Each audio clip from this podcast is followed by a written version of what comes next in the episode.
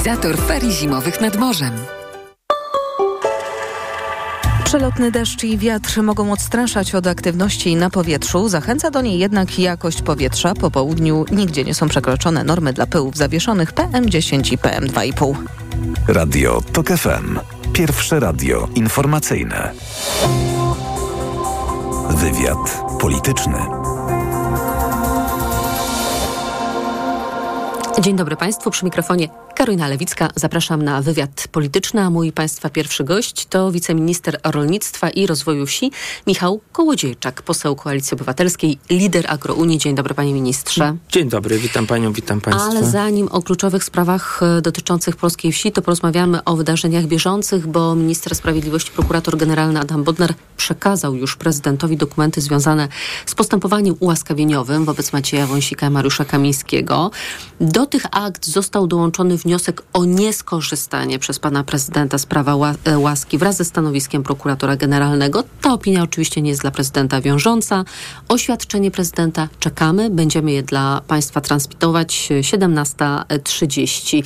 Spodziewa się pan, jak rozumiem, ułaskawienia obu panów przez pana prezydenta? Spodziewam się najgorszego, bo to jest najgorsze zachowanie człowieka, który mówi, że ma jakieś jeszcze resztki empatii, współczucia i, i tutaj się rozpływa nad przestępcami.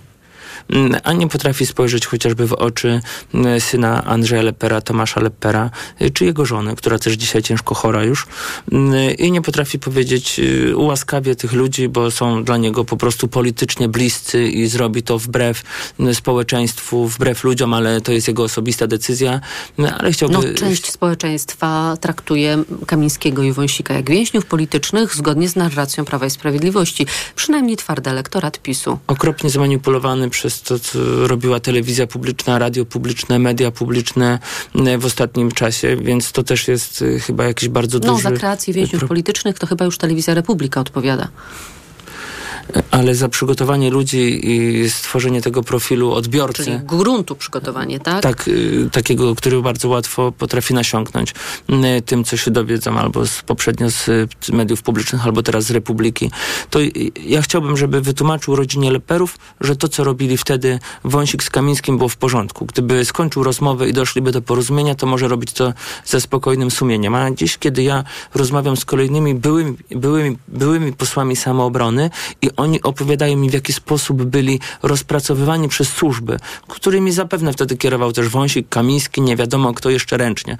Opowiadają, że są dokumenty po licznych śledztwach mm, i proszą mnie też o to, żeby wstawić się o to, by te dokumenty, jeszcze nie wiem dokładnie jakie, będę to, to dzisiaj, wiedza z dziś, mm, to sprawdzał by odtajnić chociaż część dokumentów, która mówi o tym, jak e, posłowie samoobrony byli rozpracowywani przez służby. To e, rzekomo było wszystko i na salach sądowych. Ale byli rozpracowywani, no bo pamiętamy, że samoobrona to nie było ugrupowanie, które składało się z samych aniołów, prawda? Byli rozpracowywani na użytek polityczny, tak jak na przykład rozpracowywane było w 2020 roku porozumienie Jarosława Gowina? Oni tak mówią. E, to dokładnie te słowa, które dzisiaj powiedział mi jeden z byłych posłów samoobrony, który przyszedł do mnie i powiedział, tu nie chodziło o Andrzeja Lepera, tu nie chodziło o nas, pojedynczych ludzi, tu chodziło o uśmiercenie samoobrony i przejęcie elektoratu, programu przez Prawo i Sprawiedliwość i później przejęcie też y, za, za tą przyczyną władzy takie same metody jak e, roz, rozwalanie porozumienia Jarosława Gowina. Panie ministrze, panie pośle, czego pan się spodziewa na posiedzeniu Sejmu, bo e, w czwartek rozpoczyna się posiedzenie Sejmu, kolejny jest w lutym, 7, 8, 9 lutego. Myśli pan, że będzie próba wprowadzenia obu panów na salę plenarną przez klub Prawa i Sprawiedliwości, żeby zastąpili te kartonowe wizerunki swoimi własnymi osobami? Jeśli oni już zrobili z nich męczenników i więźniów politycznych, ludzi, którzy działali wbrew temu, bo jeżeli idziemy tym tropem, że y, ludzie z Prawa i Sprawiedliwości to wierzący katolicy, y, wymawiają codziennie modlitwę pańską, mówiąc, nie wódź nas na pokuszenie. Y, a ich dwóch więźniów politycznych wodziło na pokuszenie, właśnie Andrzeja Lepera, innych, czyli wbrew własnej wierze to robili. Załóżmy, tak... że religia to jest kwestia prywatna i nie mieszajmy jej do państw, spraw państwowych. Ja, ja, ja rozumiem, tylko chcę pokazać pewną hipokryzję, bo dla, dla pani może być to kwestia prywatna, a ci właśnie, którzy twierdzą, że to nie jest sprawa prywatna, że nie ma tego, tego podziału, dzisiaj tak się zachowują. Mm, I dlatego ja o tym mówię, bo bez moich osobistych tutaj yy, o, o odniesień do tego tematu. Oni zaprzeczali, zaprzeczają temu, co mówią na pożytek jednego tematu, odwrotnie zachowują się przy drugim. Więc ja uważam, że oni będą chcieli to zrobić, będą chcieli wprowadzić, by pokazać, że...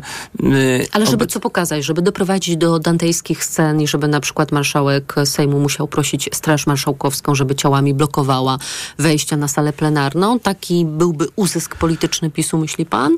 Uważam, że są w stanie posunąć się bardzo daleko, kiedy rozmawiam też z rolnikami, którzy będą protestowali jutro. I chociażby na Podlasiu była taka propozycja dla rolników, by trzymali oni te tekturki y, z Kamińskim i Wąsikiem, by, by uwolnić więźniów politycznych i by protestować pod urzędem wojewódzkim właśnie z takimi... I co rolnicy na to?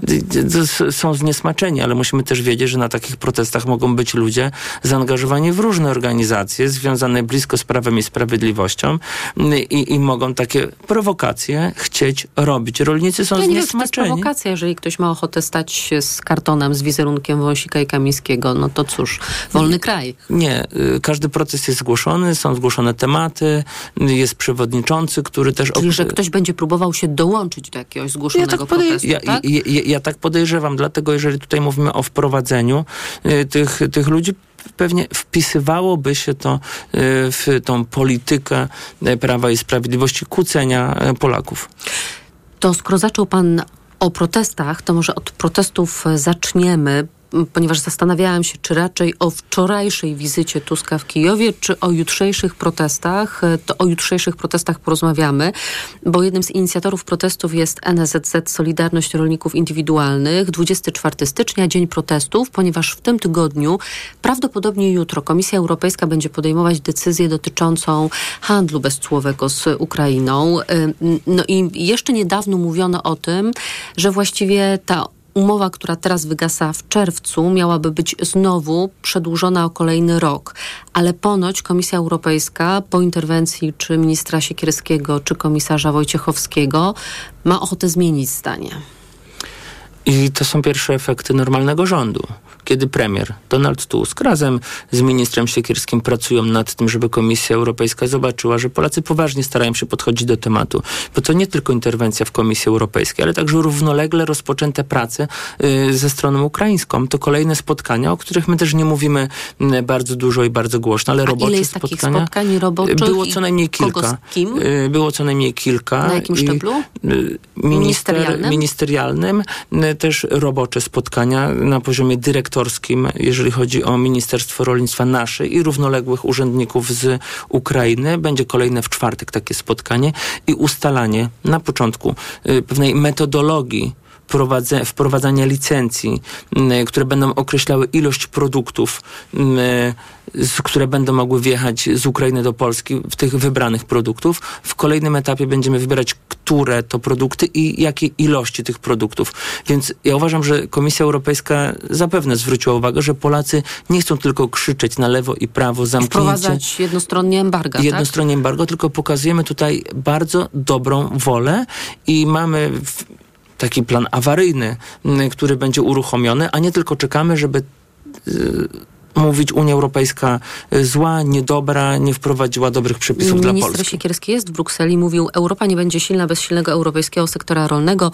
Dla Polski najważniejszym problemem jest obecnie nadmierny import produktów rolnych z Ukrainy, które zalały rynek i spowodowały na nim istotne zakłócenia. Dziennie Gazeta Prawna podaje, że obecnie w Brukseli mówi się o możliwym nałożeniu limitów wolumenowych przynajmniej na jaja, cukier oraz drób. Jak rozumiem, tylko te trzy produkty Polski nie zadawalają, no bo generalnie też rzecz e, rozchodzi się o zboże, o kukurydzę, tak? Y, z tego co ja wiem, y, mowa o produktach, które będą ustalone między Polską a Ukrainą będzie. Ukraińcy też wiedzą, co mniej więcej nas interesuje, a komisja, a, Ukrainą, a komisja. Najpierw zostaną ustalone te produkty między Polską a Ukrainą, a potem będą rozmowy między Polską, Ukrainą a Komisją Europejską? Te rozmowy prowadzone są, są równolegle przez Polskę. My pracujemy od rana do nocy, by te rozwiązania były wypracowane i jestem przekonany, że te efekty będą. A, A jest wola porozumienia o... ze strony Ukrainy? Rozmawiał już pan z panem premierem po jego powrocie z Kijowa? Jeszcze nie rozmawiałem, mam informacje i y, wiedzę też o stanowisku, jakie było z naszej strony. No premier zapowiadał, twarde? że będzie asertywny. I jest premier asertywny, widzi potrzebę e, odpowiedniego porozumienia z Ukrainą na tym, na tym etapie. Zresztą widzimy to też po stronie ukraińskiej, która nie do końca jest zadowolona z, można powiedzieć, z postawy naszego rządu, gdzie widzi, że stanowisko jest stanowcze i bronimy tego, bronimy się przed napływem tych produktów. Zresztą myślę, że Ukraińcy zdali też sobie sprawę z tego, że mogą w ten sposób tylko i wyłącznie wpłynąć negatywnie na stosunki takie dyplomatyczne Polska-Ukraina, które będą istotne. A jeżeli mówimy tutaj o wspólnej też produkcji broni, o wspólnych inwestycjach, to myślę, że nie warto też y, ze strony ukraińskiej byłoby kruszyć o to, o to kopie, a, je, a warto byłoby dogadać odpowiednie warunki eksportu przez Polskę tych produktów. Też dodam, że polskim takim dużym ukłonem jest y, też zgadzanie się na tranzyt i nie przesadzajmy. Ja dzisiaj rozmawiałem z producentami jaj, z producentami zbóż i mówią, my straciliśmy rynki zachodnioeuropejskie, bo... Które zostały zalane z kolei. Które zostały zalane produktami z, ukraińskimi, które tylko przejechały przez Polskę. Więc tutaj też już mamy pewien Mamy też protesty w innych problem. krajach. Niemcy, Rumunia, Litwa, Francja, Niderlandy. Tam rolnicy mm, zaczęli protestować. Ale tak? proszę zwrócić uwagę, też nie może pozostać do naszej obojętności y, stanowisko Komisji Europejskiej, jeżeli chodzi chociażby o cukier. Y, cukier, którego produkcja jest dość duża na zachodzie Europy i widać, że Komisja Europejska, jeżeli dotyczy to, tego produktu starej Unii Europejskiej, potrafi szybko podjąć decyzję, bo ten problem cukru faktycznie zaczyna być dość istotny. Ukraińcy z roku na rok wręcz podwajają produkcję y, cukru, budują cukrownie kolejne, zwiększają produkcję buraków cukrowych i wolumen przed y, y, wojną to było 20 tysięcy ton cukru, które mogło wjechać do Unii Europejskiej bez cła. Y, w tym roku to prawie pół miliona ton cukru. Mówi się, że w przyszłym roku może być to nawet jeszcze raz tyle. Y, więc my tutaj odczuwamy to bardzo mocno. Do Polski to jest około 40 tysięcy ton cukru, ale co gorsze, odebrane nam rynki y, południa Europy, które my zaopatrywaliśmy. I nawet dla nas bardzo trudny jest taki potencjalny import, bo to często duży, duży pośrednicy mówią, jeżeli nam nie sprzedacie odpowiednio tanio, to my sobie kupimy z Ukrainy czy tam e, z innego końca świata do, e, do siebie. Też zastanawiające jest tutaj, i wiem, że to dyplomatycznie jest może trudne, ale ja jest, jestem w obowiązku też e, to powiedzieć. Ciągle nie ma embarga na żywność z, Ukra z Rosji czy z Białorusi. Mm, e, I te produkty też trafiają do Polski. Dlatego tutaj duże uwrażliwienie polskich rolników właśnie na import czy z Ukrainy, czy ze wschodu jest, y, jest dość bolesne. Ja pracuję teraz nad takim specjalnym mm, e, y, nad specjalną procedurą, która będzie odpowiedzialna za to, by każdego dnia minister rolnictwa czy pracownicy ministerstwa mieli informację, czego ile wjechało y, właśnie spoza Unii Europejskiej. Mamy w tej chwili w Polsce rozbite to na kilka inspekcji, co jest dla mnie nie do pomyślenia. Teraz, tak? Takich jest, informacji. To trzeba, wjeżdża do Polski trzeba, w jakiej ilości? Y, minister musi wystąpić do weterynarii, y, do hmm. Giharsu, do Krajowej Administracji Skarbowej. Wie pani, że zarządów PiSu na odpowiedź z Krajowej Administracji Skarbowej urzędnicy w Ministerstwie Rolnictwa czekali, dziś mi to przekazywali, półtora miesiąca, żeby dowiedzieć się, jaki produkt kiedy przyjechał. To jest nie do pomyślenia dzisiaj. Takie y, piszemy dokument, mówimy pilne, trzeba to y, no, działać. Powinno być jakoś systemowo. I, I musi być y, tutaj jeszcze jedna procedura. Rzecz. Tylko poinformuję naszych słuchaczy, że w Pałacu Prezydenckim trwa spotkanie Andrzeja Dudy z żonami panów Kamińskiego i Wąsika. Przypominam, że o 17.30 pan prezydent ma mieć swoje oświadczenie które będziemy dla Państwa transmitować. Wrócę jeszcze do decyzji Komisji Europejskiej. Jeżeli ona nie będzie dla nas do końca satysfakcjonująca, to co znowu zrobimy tak, jak robimy do tej pory, czyli embargo, jednostronna decyzja i będziemy liczyć na to, że Komisja Europejska będzie przymykać na to oko? Y, będziemy pokazywać Komisji Europejskiej, że potrafimy się dogadać w odpowiednich tematach. Granica nie zostanie y, otworzona, dopóki nie dojdziemy do odpowiedniego porozumienia na te produkty, które są produktami wrażliwymi dla, dla, dla polskiego społeczeństwa gospodarki. Ja tutaj mogę zapewnić też wszystkich rolników i, i słuchaczy, że y, będzie tutaj nasze stanowisko. Y, to jeszcze mocne. raz, o których produktach mówimy? Dzisiaj mówimy o tych produktach, które są utrzymane, y, które to, to jest te kilka zbóż, które, które są wymienione już od dłuższego czasu, ale mówimy też o rozbudowie ilości tych, tych produktów, chociażby rozbudowy o cukier. Dla mnie bardzo istotny jest chociażby też rynek owoców, Y, owoców miękkich, koncentrat jabłkowy, czy potencjalny import niektórych warzyw, y, co też może nam bardzo zagrażać i y, musimy wiedzieć, że ta lista produktów może się zmieniać, a z Ukrainą musimy być w takich relacjach, by oni też sobie zdawali z tego sprawę, że lista tych produktów może się zmieniać. Może któryś produkt można z czasem ściągnąć, a któryś dołożyć. Ja tylko dodam, że to wszystko musi być oparte analizą, której nie ma w Ministerstwie Rolnictwa to, to jest naprawdę dramatyczne i można siedzieć od rana do nocy, sprawdzać dokumenty, czego, kiedy, ile wjechało. Dzisiaj mowa o tym, że zaczyna wjeżdżać do Polski, czy już jakiś czas od początku wojny, bardzo, dużo, bardzo duży import technicznego oleju. Co się z nim dzieje? Sprawdzamy. Mieliśmy już historię zboża technicznego, też nie było wiadomo, z czym to się je i czy się je. Michał Kołodziejczak, wiceminister rolnictwa i rozwoju wsi, poseł Koalicji Obywatelskiej i lider Agrounii. Dziękuję za rozmowę. Dziękuję bardzo. Państwa zapraszam na informacje. Wywiad polityczny.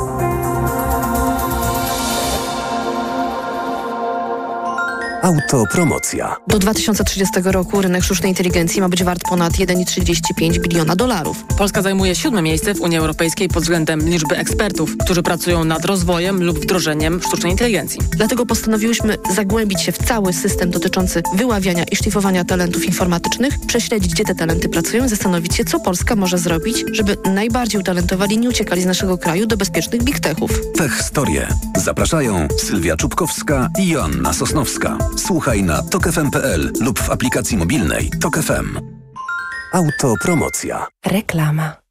Nowe książki, magazyn do czytania już w sprzedaży, a w nim 10 książek roku 2023. Wywiad z Joanną Kuciel-Frydryszak oraz epicki seks w prezencie na zimę. Książki, magazyn do czytania już w sprzedaży. Kasiu, nawet nie spróbowałaś gołąbków. Tak, bo wiesz, boję się, że będzie mi ciężko na żołądku. To może kawałek serniczka? To moja specjalność. Nie mogę, bo wiesz, dbam o linię. Kochana, przecież jest Trawisto Slim. Suplement diety Trawisto Slim zawiera wyciąg z owoców kopru, który wspiera trawienie oraz proszek z opuncji figowej, który wspomaga utrzymanie prawidłowej wagi. Oj, Olu, ty to umiesz mnie przekonać. To Trawisto to sprawdzone rozwiązanie. Trawisto. I trawisz to. Aflofarm. Marian, mm? ale ten finał wielkiej wyprzedaży w Media Expert to rewelacja jest. Naprawdę? No sam zobacz, jakie niskie ceny. Finał wielkiej wyprzedaży w Media Expert. Na przykład smartwatch Garmin Instinct Solar grafitowy. Najniższa cena z ostatnich 30 dni przed obniżką 1299 zł 99 groszy. Teraz za jedyne 899 z kodem rabatowym taniej o 400 zł. Reklama. Radio TOK FM. Pierwsze radio informacyjne. Informacje TOK FM. Minęła 17.20. Anna Draganek-Weiss. Zapraszam. Prezydent Andrzej Duda za niespełna 10 minut zabierze głos w sprawie Mariusza Kamińskiego i Macieja Wąsika, prawomocnie skazanych na dwa lata więzienia za przekroczenie uprawnień przy kierowaniu CBA, gdy prowadzili działania operacyjne przy tzw. Tak aferze gruntowej. Do prezydenta trafiła dziś opinia Adama Bodnara w ramach procedury łaskawieniowej, którą wszczął Andrzej Duda. Opinia jest negatywna, ale nie jest wiążąca dla prezydenta. Oświadczenie Andrzeja Dudy będziemy transmitować w TOK FM. Słuchasz informacji TOK FM.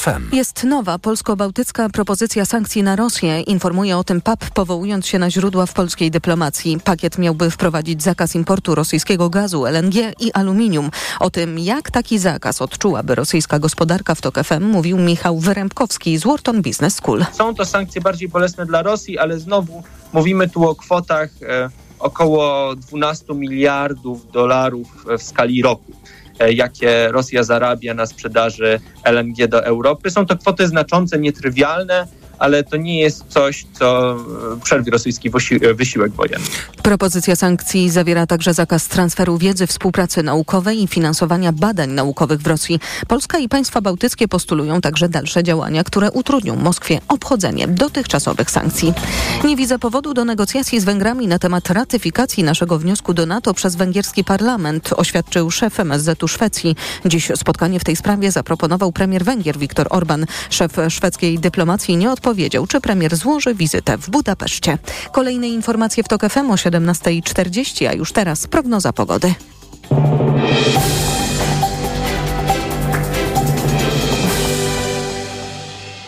Sponsorem programu jest właściciel hotelu Dolina Charlotte Resort Spa, organizator ferii zimowych nad morzem. Pogoda. W nocy popada deszcz i deszcz ze śniegiem, a na południu i południowym wschodzie także śnieg. W górach minus 5 stopni, około zera w centrum, do 3 stopni nad morzem. Synoptycy prognozują silny wiatr. Sponsorem programu był właściciel hotelu Dolina Charlotte Resort Spa, organizator ferii zimowych nad morzem. Radio TOK FM.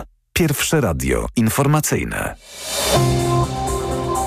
Wywiad polityczny. Robert Tomaszewski jest z nami, starszy analityk do spraw energetycznych, Polityka Insight. Dzień dobry. Dzień dobry. Wrócimy do historii fuzji Orlenu i Lotosu. Przypomnijmy, że do tej fuzji doszło latem 2022 roku. I warunkiem tego połączenia to była decyzja Komisji Europejskiej z 2020 roku. Była m.in. konieczność sprzedaży przez Lotos 80% swoich stacji benzynowych, 30% udziału w rafinerii w Gdańsku, terminali, baz paliwowych. No i posprzedawaliśmy to wszystko, co było do posprzedawania podług tejże decyzji Komisji Europejskiej. I mamy teraz raport Najwyższej Izby Kontroli na temat tejże fuzji i tejże sprzedaży. No i ten raport nie pozostawia na fuzji i na sprzedaży majątku suchej nitki. Tak rzeczywiście jest. E, tutaj nie mamy jeszcze do czynienia z oficjalnym dokumentem e, Najwyższej Izby Kontroli, tylko z przekazami, przeciekami takimi medialnymi, które się dostały do niektórych Raport nie został jeszcze opublikowany, dlatego też na razie nikt nie komentuje tych rewelacji medialnych. Dokładnie, ale z tych, z tych przecieków widać ewidentnie, że no te aktywa, które zostały sprzedane przez Orlen po to, żeby dokończyć fuzję z Lotosem, były e, sprzedane z, no, bardzo, z bardzo dużym rabatem, o, około 5 miliardów złotych. No i to jest tak, te główne ostrze e, krytyki e, zarządu spółki, ale też nadzoru politycznego, czyli przede wszystkim Ministerstwa Aktywów Państwowych, za to, że do tej fuzji doszło. Tutaj oczywiście mamy do czynienia no, z takim próbą odpowiedzenia sobie na pytanie, czym jest właściwa, godziwa wartość danej spółki w momencie sprzedaży. Czy to jest e, wartość, którą się wycenia e, giełdowo, czy e, wartość EBIT, czyli wyniku e, netto. Więc e, tutaj tych interpretacji może być bardzo dużo. Raport NIK-u tutaj raczej stawia ostre, e, ostrą krytykę w stosunku do Orlenu. Natomiast też warto pamiętać, żeby to był moment, e, kiedy Orlen chciał sprzedać to, e, więc e, też wysyłał sygnały do rynku, że jest gotów na daleko idące ustępstwa. Bo to było warunkiem tym... tej fuzji, prawda? Tak. Dokładnie, więc e, e, jednym z tych ustępstw było po prostu zejście z ceny. Cel był e, polityczny, dokończenia fuzji paliwowej i wejścia w mariaż z Saudi Aramco, czyli przede wszystkim uzyskania tego możliwości kupowania większych wolumenów ropy z tego kierunku, żeby się szybciej uniezależniać od rosyjskich dostaw i też wejścia w jakiś taki rodzaj kooperacji na poziomie globalnym. E, I o ile udało się e, podpisać kontrakty na dostawy i teraz e, Arabia Saudyjska jest naszym największym dostawcą ropy naftowej, o tyle tego mariażu na poziomie globalnym się nie udało zrealizować. Nie mamy wspólnych projektów, które miały być realizowane czy to w petrochemii, czy w innych obszarach, na przykład R&D, które również były deklarowane. To ewidentnie no, nie wyszło. Więc y, tutaj, o ile ocena samej fuzji y, nie może być zero-jedynkowa, to nie jest tak, że y, możemy powiedzieć, że to jest złe lub dobre, w zależności od tego, jak na to patrzymy, czy z punktu widzenia bezpieczeństwa energetycznego, czy z punktu widzenia transformacji energetycznej, wtedy ta, ta ocena jest różna. Natomiast nie udało się na pewno wykonać tego ruchu wejścia e, poprzez sojusz Saudi Aramco na taką globalną płaszczyznę, a Orlen to obiecywał, że właśnie wykorzysta to, to, to połączenie, tą, tę, sprzedaż tych aktywów wymuszoną przez Komisję Europejską do tego, żeby e, móc kooperować z największym producentem ropy na świecie, e, również w innych e, płaszczyznach, czy to w petrochemii, czy na innych kontynentach.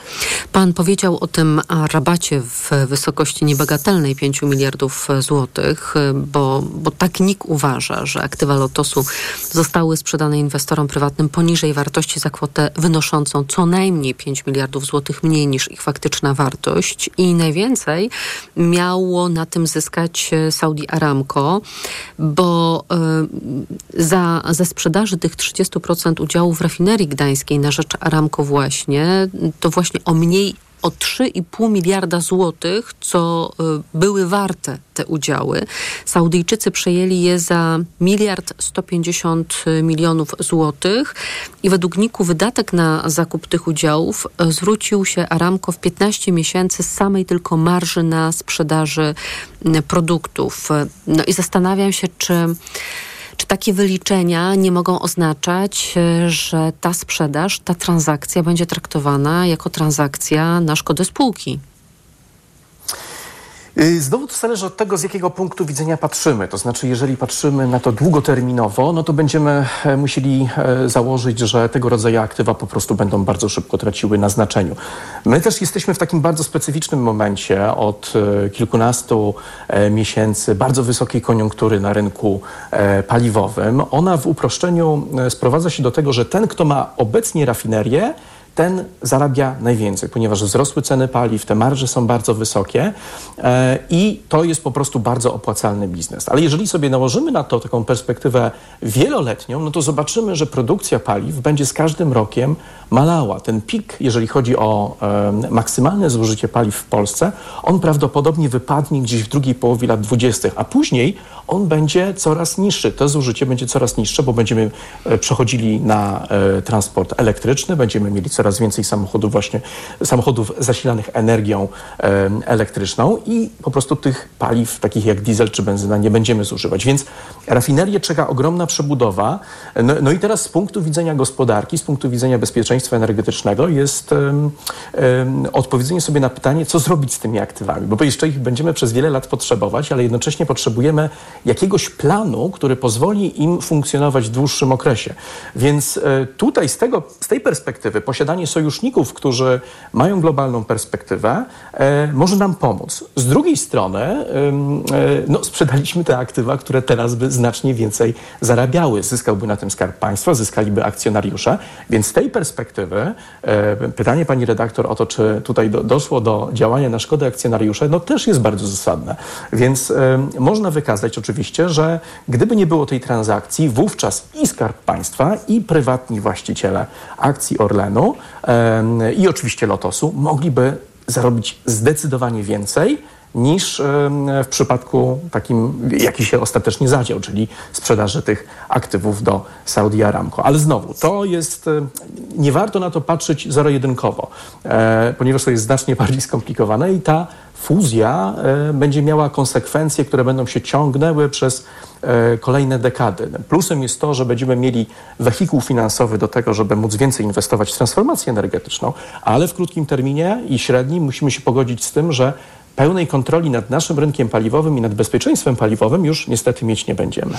Wspomniał pan, panie redaktorze, o tym kolejnym zarzucie, który pojawia się w tym nieopublikowanym jeszcze raporcie, więc mówimy o mm, relacjach medialnych dotyczących tego, co się w tym raporcie miało znaleźć, że mm, także są zarzuty pod adresem ministra aktywów państwowych Jacka Sasina, że nierzetelnie nadzorował Orlen, no i te transakcje sprzedaży aktywów e, Lotosu. Zastanawiam się nad Sejmową Komisją Śledczą i pana jako dziennikarza o to pytam, bo pytany był także o to Andrzej Domański, teraz minister finansów, ale jeszcze w październiku 2023 roku mówił, że trzeba dokładnie zbadać, jak doszło do tej transakcji, czyje interesy były realizowane, kto doradzał i kto na tym potencjalnie nieuczciwie zarobił. A dopytywany, czy pachnie tu komisją śledczą, y, odparł tak, ja ten zapach czuję. Pan by potrzebował, tak po dziennikarsku, Sejmowej Komisji Śledczej w tej sprawie? Nie wiem, czy tutaj komisja sejmowa by nam pomogła, biorąc pod uwagę to, że e, mamy już tyle innych komisji sejmowych, które zajmują się bieżącą, e, bieżącym sprawdzaniem tych afer e, poprzedniej ekipy rządowej, że moglibyśmy tutaj wpaść w jakiś taki rodzaj no, kolejnej takiej bardzo jednostronnej narracji, jeżeli chodzi o podsumowanie tego, co się działo. Wydaje mi się, że no, te, te, te, transakcje i tak wymagają e, bardzo gruntownego zbadania. Tutaj te zarzuty NIK-u, jeżeli chodzi o brak odpowiedniego nadzoru, są chyba najmocniejszym elementem tego raportu, który ma zostać opublikowany 5 lutego. Bo jeżeli rzeczywiście jest tak, że minister aktywów państwowych nie wiedział do końca, na jakie warunki Orlen zgadza się, by przejąć Lotos, e, nie wiedział, jakie przywileje uzyskuje Saudi Aramco w ramach funkcjonowania w rafinerii gdańskiej, no to mamy poważny problem. Tylko mm, no, znowu ten natłok polityczny i też ta, ta, ta wysoka temperatura sporu politycznego i samej kohabitacji również rządu z prezydentem może sprawić, że no, wynik tego, tego sprawdzenia będzie bardzo mocno zabarwiony politycznie, a wydaje mi się, że potrzebowalibyśmy no, jakiegoś zupełnie niezależnego audytu, który, mm, który jasno pokazałby, kto, kiedy, jakie decyzje podejmował, jakie były ryzyka, kto się na nie decydował, po to, żeby obie strony sceny politycznej mogły popatrzeć na to jak na taki punkt e, odniesienia. Ale czy się to da uzyskać? No, śmiem wątpić. Robert Tomaszewski z Polityki Insight był moim Państwa gościem, a teraz już bardzo dziękuję Panie Redaktorze, oświadczenie Pana Prezydenta. Dzień dobry Państwu. Szanowni Państwo, jak wszyscy znakomicie wiedzą, e, opinię publiczną w Polsce i nie tylko opinię publiczną e, od pewnego czasu elektryzuje, ale z drugiej strony ogromnie niepokoi, a przynajmniej dużą część polskiego społeczeństwa e, sprawa panów ministrów, posłów e, Mariusza Kamińskiego i Macieja Wąsika, którzy są w tej chwili osadzeni w zakładzie karnym obydwaj, czy w zakładach karnych, bo przebywają w dwóch różnych. Chcę przypomnieć, że jest to sprawa, która ma swoje korzenie w 2007 roku, kiedy zaraz po powstaniu Centralnego Biura Antykorupcyjnego na kanwie ówczesnej straszliwej plagi korupcji, jaka była w Polsce, a której zwieńczeniem była tak słynna wówczas afera Rywina, powstało Centralne Biuro Antykorupcyjne po to, by tuż po wejściu Polski do Unii Europejskiej tą korupcję, tego raka społecznego, który wtedy niszczył nasze życie publiczne i który zatruwał życie tak wielu ludziom, bo wiemy wszędzie, że był w służbie zdrowia, że był w edukacji, wszędzie. Trudno było czasem załatwić cokolwiek w urzędzie bez tak zwanej koperty. Starsi pamiętają te czasy znakomicie. Centralne Biuro Antykorupcyjne na czele z panem ministrem Mariuszem Kamińskim wówczas stanęło rzeczywiście do absolutnie zdecydowanej, bezpardonowej walki z tym straszliwym zjawiskiem. Walki, która była w tamtym czasie walką zwycięską, ale walki, która odbyła się również i na szczytach władzy, ponieważ Mariusz Kamiński jest człowiekiem tak prawym, jest człowiekiem takiego charakteru, że nie ograniczał walki z korupcją wyłącznie do zwykłych obywateli do tych przysłowiowych, zwykłych łapówkarzy gdzieś tam z urzędów drobnych czy z różnych instytucji. Walka z korupcją odbywała się na każdym poziomie, odbywała się również na tym najwyższym poziomie, również w ówczesnej koalicji rządzącej. I taką właśnie sytuacją była słynna afera gruntowa. Ta korupcja na szczytach władzy dotknęła i przeraziła bardzo wiele elit, które, no cóż tu wiele mówić, prawdopodobnie miały z korupcją sporo wspólnego i czerpały z niej istotne korzyści. Skutkiem tego były później sprawy karne, które zostały wytoczone tym, którzy z tą korupcją walczyli. W sposób tak rzeczywiście bezwzględny, ale skuteczny. Dzisiaj korupcja jest marginesem w Polsce. Na szczęście i mamy nadzieję wszyscy, że już nie wróci. Szczycimy się dzisiaj tym w Unii Europejskiej. To jest wielka zasługa pana ministra Mariusza Kamińskiego i jego współpracowników. Niektórym do dzisiaj się to nie podoba. Niestety w wyniku spraw, które były podjęte na różne sposoby, walczono z Mariuszem Kamińskim, walczono z tymi, którzy stanęli na drodze zachowaniom korupcyjnym, zwłaszcza na szczytach władzy. I w 2015 roku, po długich latach procesu, zostali skazani na kary pozbawienia wolności. Ja wówczas akurat zostałem wybrany w wyborach prezydenckich. Nie mogłem się z tym wyrokiem pogodzić. Uważałem, że jest to coś nieprawdopodobnie niszczącego polskie państwo, że ludzie, którzy stanęli do walki z korupcją, stanęli do pokonania tego strasznego zjawiska, zostali właśnie ukarani za to, że z korupcją walczyli, podczas gdy przez lata obserwowaliśmy, jak różnych oskarżanych o korupcję wypuszczano z aresztu, wypuszczano z więzienia, uniewinniano w różnych bardzo dziwnych okolicznościach. Nie zgodziłem się na to i natychmiast, kiedy to tylko było możliwe, wydałem akt ułaskawienia. Prezydencki akt na podstawie artykułu 139 Konstytucji. Konstytucja mówi krótko, prezydent stosuje prawo łaski. Stosowanie prawa łaski jest wykluczone wyłącznie w odniesieniu do wyroków Trybunału Stanu.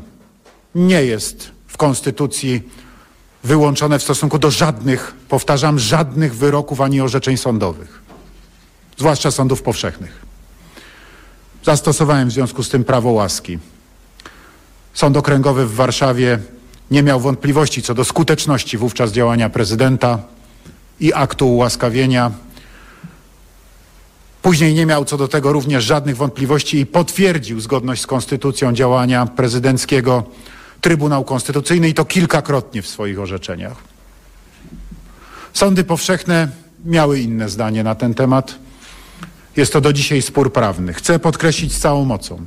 Dla mnie zawsze od 2015 roku, od momentu wydania przeze mnie aktu łaski potwierdzonego co do jego zgodności z konstytucją i skuteczności przez Trybunał Konstytucyjny i przez Sąd Okręgowy w Warszawie, panowie byli ułaskawieni, objęci prawą, prawem łaski ze wszystkimi tego normalnymi konsekwencjami.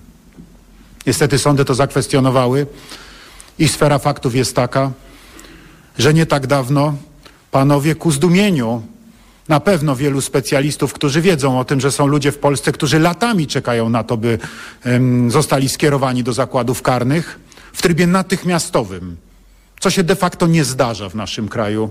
Ludzie czekają, tak jak powiedziałem, miesiącami, latami na to, by być osadzonymi w zakładzie karnym i wykonać swoją karę orzeczoną przez sądy. W tym przypadku rychliwość wymiaru sprawiedliwości i organów ścigania była nieprawdopodobna.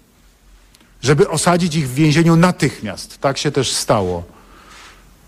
Panowie ministrowie, posłowie w głębokim poczuciu skrzywdzenia i niesprawiedliwości rozpoczęli strajk głodowy.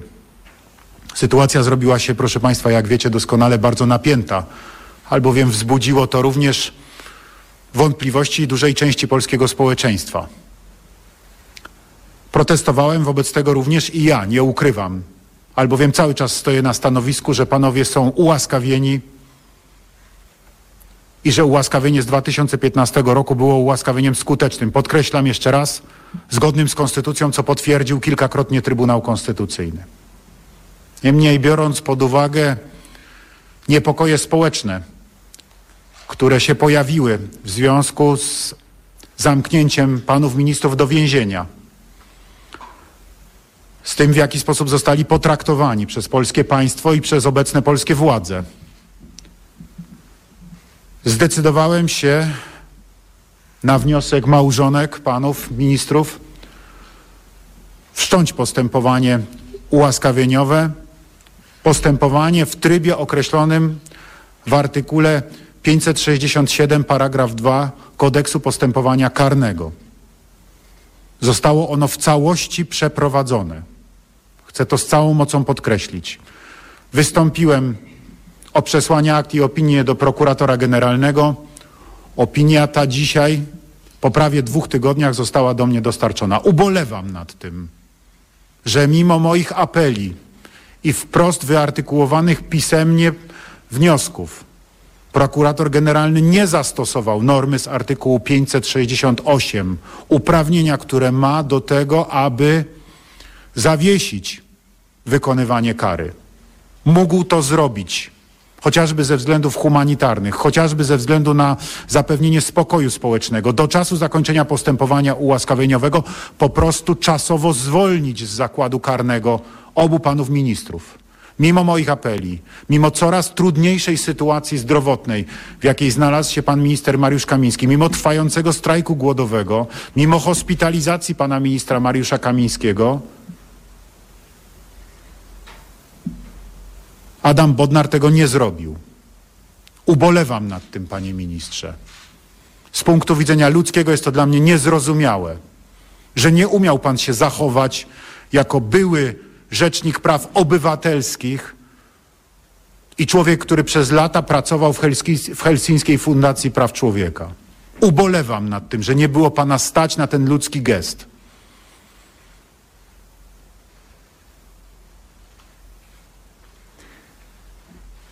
Akta wróciły dzisiaj z Ministerstwa Sprawiedliwości wraz z opinią prokuratora generalnego, pana ministra Bodnara, opinią negatywną w przedmiocie ułaskawienia. Niemniej jednak ta opinia jest, procedura została dopełniona. Chcę w związku z tym powiedzieć, że postanowienie w przedmiocie prawa łaski zostało wydane. Panowie są ułaskawieni, potwierdzam to z całą mocą. Apeluję do pana ministra, do prokuratora generalnego o natychmiastowe procedowanie w tej sprawie dalej, ponieważ w trybie natychmiastowym odsyłamy dokumenty do wykonania do ministra sprawiedliwości, do prokuratora generalnego. Apeluję o natychmiastowe wykonanie postanowienia prezydenta Rzeczypospolitej i natychmiastowe w związku z tym zwolnienie obydwu panów ministrów z zakładu karnego, w szczególności pana ministra Mariusza Kamińskiego. Z uwagi przede wszystkim na jego stan zdrowia w trybie absolutnie natychmiastowym. Wszyscy wiemy o tym, że wczoraj ze szpitala więziennego był przeniesiony do zwykłego szpitala z uwagi na dramatycznie pogarszający się stan zdrowia. Apeluję o to ze względów humanitarnych, ludzkich i państwowych, o tą odrobinę przyzwoitości w kompromitującej sytuacji, w jakiej znajduje się polskie państwo, kiedy ci, którzy realizują interesy tego państwa, walcząc z korupcją, znajdują się w więzieniu, podczas gdy ci, którzy są, wobec których postawiono zarzuty korupcyjne, wędrują do Parlamentu Europejskiego na skutek decyzji ich kolegów z tej samej klasy politycznej. To po prostu jest kompromitacja. Mam nadzieję, że ta kompromitacja zostanie jak najszybciej usunięta, bo po prostu zwyczajnie wstyd. Apeluję do Pana, Panie Ministrze, jeszcze raz. Dziękuję bardzo. Czy Panie chcą zabrać głos? Bardzo proszę. Panie prezydencie, dziękujemy. To jest 15 długich dni bezprawnego uwięzienia naszych mężów. 15 długich dni. Są wolni. I Jedziemy jak co dzień. To było oświadczenie pana prezydenta Andrzeja e, Dudy. E, jak państwo słyszeli, panowie Mariusz Kamiński i Maciej Wąsik zostali przez pana prezydenta e, ułaskawieni. Dzisiaj na biurko pana prezydenta trafiły akta z Ministerstwa Sprawiedliwości od prokuratora generalnego Adama Bodnara z opinią negatywną, jeżeli chodzi o ułaskawienie, ale ta opinia nie była dla Andrzeja Dudy wiążąca i pan prezydent zdecydował się właśnie doprowadzić do ułaskawienia, mimo że jak podkreślał, uważa, że ułaskawienie z 2015 roku jest cały czas ważne, w mocy i zostało to potwierdzone przez Trybunał Konstytucyjny. Jednocześnie Andrzej Duda wezwał Adama Bodnara, by natychmiastowo mm, zwolnił w szczególności Mariusza Kamińskiego ze względów ludzkich, humanitarnych, państwowych. Andrzej Duda przekonywał, że przez fakt osadzenia ich w zakładzie karnym, przypominał, zostali skazani prawomocnym wyrokiem sądu w grudniu ubiegłego roku. W kompromitującej sytuacji znajduje się polskie państwo. Z nami Jakub Majmurek, krytyka polityczna. Dzień dobry, redaktorze. Dzień dobry, dzień dobry Państwu. Zastanawiam się, od y, którego wątku mijania się z prawdą, przekłamywania rzeczywistości, manipulowania nią w tym krótkim wystąpieniu Andrzeja Dudy rozpocząć, ale może zacznijmy od początku. Pan prezydent uparcie powtarza, że Mariusz Kamiński i Maciej Wąsik zostali skazani za walkę z korupcją. Gdy tymczasem doskonale wiemy, że zostali skazani za próbę spreparowania afery korupcyjnej. Zostali przekroczeni za przekroczenie, zostali skazani za przekroczenie uprawnień w walce z korupcją. E, czy była to, e, czy, czy tylko i wyłącznie po prostu e, przekroczyli te uprawnienia w dobrej wierze, czy od początku uczestniczyli w próbie nakręcenia afery, która miała zniszczyć współkoalicjanta PiS i umożliwić PiSowi przejęcie jego elektoratu, będzie pewnie kwestią sporną ale nie ma żadnych wątpliwości, nie miał do tego wątpliwości sąd obu instancji, że na swoich stanowiskach dopuścili się nadużyć złamali prawo. I jak każdy urzędnik, który tego typu e, nadużyć się dopuszcza, zwłaszcza urzędnik e, najwyżej postawiony, a oni pełnili przecież bardzo wysokie funkcje w państwie, gdy popełnili swoje przestępstwa. Jeden był szefem, a drugi zastępcą szefa e, CBA, to powinni ponieść karę i też uważam, że fakt ich ułaskawienia jest e, czymś, co jest głęboko demoralizujące społecznie.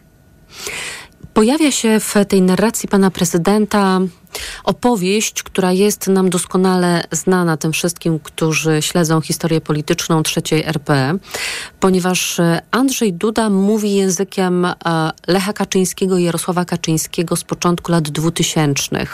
Zresztą odwoływał się do afery Rywina, przypominał, że Centralne Biuro Antykorupcyjne powstało po to, by zdławić korupcję tego raka społecznego, który niszczył życie publiczne, zatruwał życie wielu ludziom, mówił pan prezydent. E, korupcja była wszędzie, w służbie zdrowia, edukacji, w urzędzie. Trudno było coś załatwić e, bez koperty.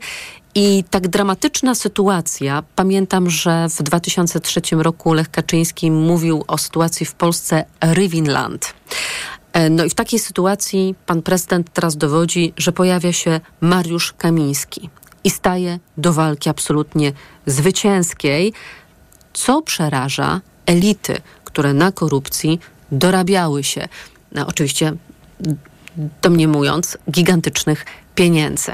Czy ta opowieść e, ma szansę być opowieścią chwytliwą?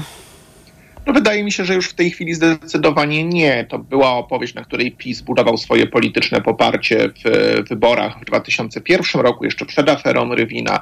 To była na pewno opowieść, która pomogła mu wygrać wybory w 2005 roku i gdzieś tak utrzymywała opowieść PiS o Polsce jeszcze mniej więcej E, do Smoleńska, ale dzisiaj e, po pierwsze elektorat już coraz słabiej pamięta tamte czasy i o co wtedy chodziło. Dzisiaj korupcja nie jest postrzegana jako taki wielki problem społeczny, jak była w czasach afery Rywina i wydaje mi się, że PiS tą swoją narracją o Wąsiku i Kamińskim dosyć jednak mocno rozjeżdża się ze społecznymi nastrojami, co choćby pokazują sondaże na ten temat, które były robione, wskazujące, że jednak większość społeczeństwa jest przekonana, że oni powinni odbyć swoją karę. Myślę, że nawet spora część ludzi może oceniać decyzję pana prezydenta jako przejaw politycznej korupcji, jako przykład e, ochrony ludzi z własnego środowiska politycznego i próbę stawiania się tego politycznego środowiska ponad prawem. No już opowieść, że w Polsce mieliśmy jakiś gigantyczny problem z korupcją i jego samo, ten problem samodzielnie zdusił Mariusz Kamiński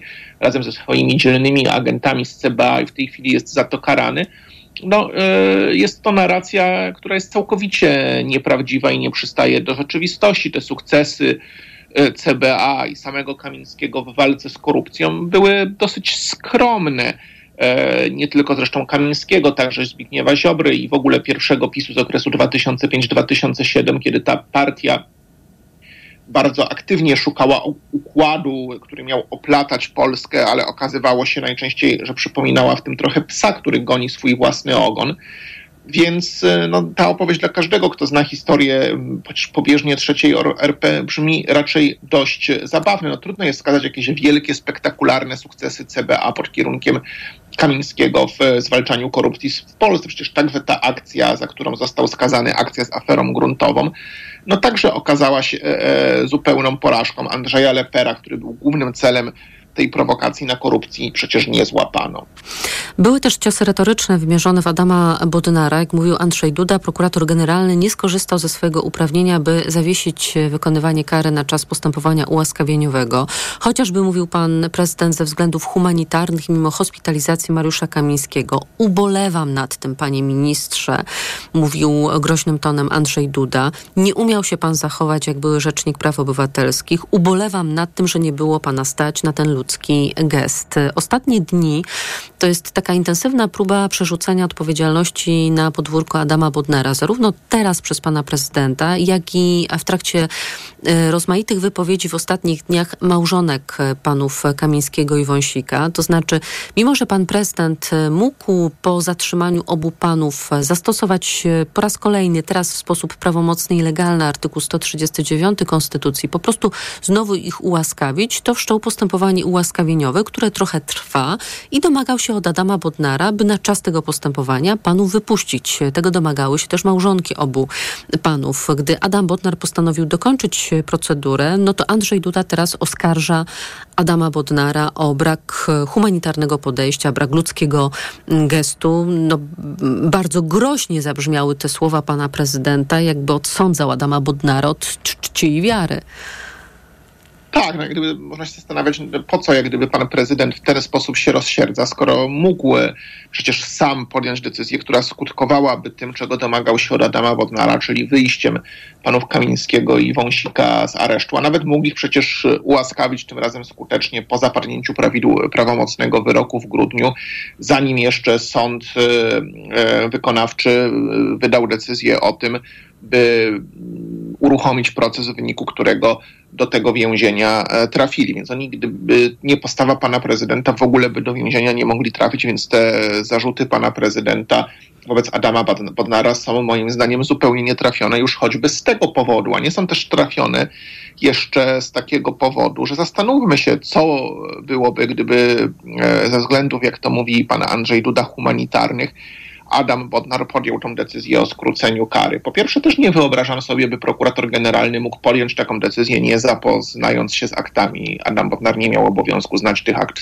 wcześniej. One liczyły kilkanaście tomów i jak najbardziej e, było wskazane, żeby na, najpierw prokurator generalny, zanim podejmie jakąkolwiek decyzję, zanim wyda opinię z tymi aktami, się zapozna.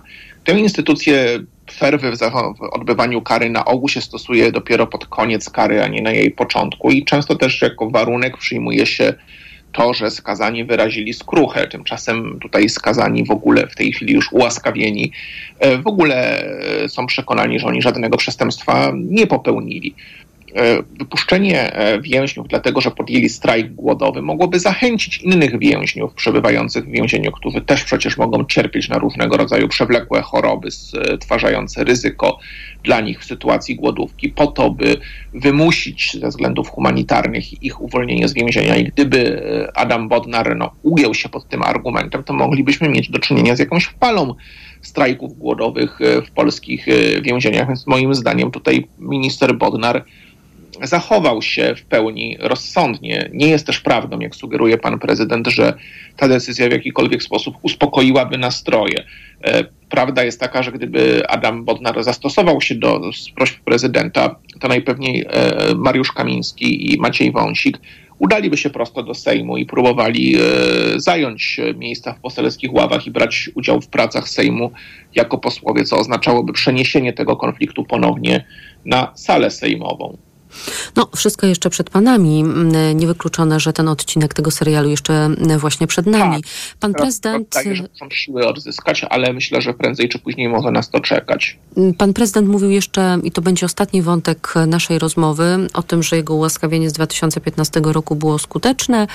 Oczywiście wiemy, że być skuteczne nie mogło, bo to był wyrok pierwszej instancji nieprawomocny, więc nie można ułaskawiać osoby, która jest jeszcze nieskazana, ale pan prezydent powiedział też, że on wszczął to postępowanie ułaskawieniowe, biorąc pod uwagę niepokoje społeczne. No ja zastanawiam się, z jakimi to niepokojami społecznymi mieliśmy do czynienia, prócz protestów e, polityków Prawa i Sprawiedliwości.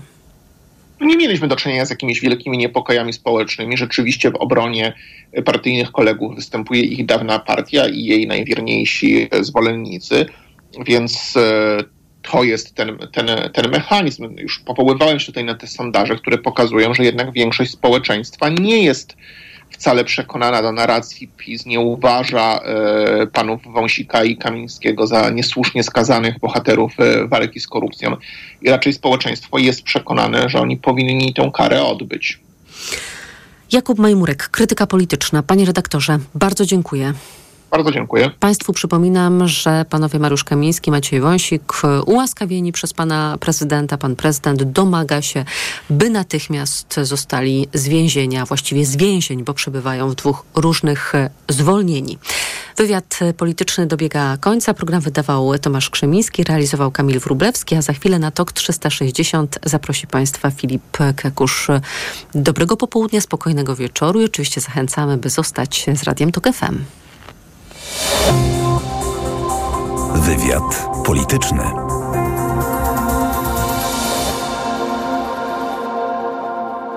Dzień dobry Polsko!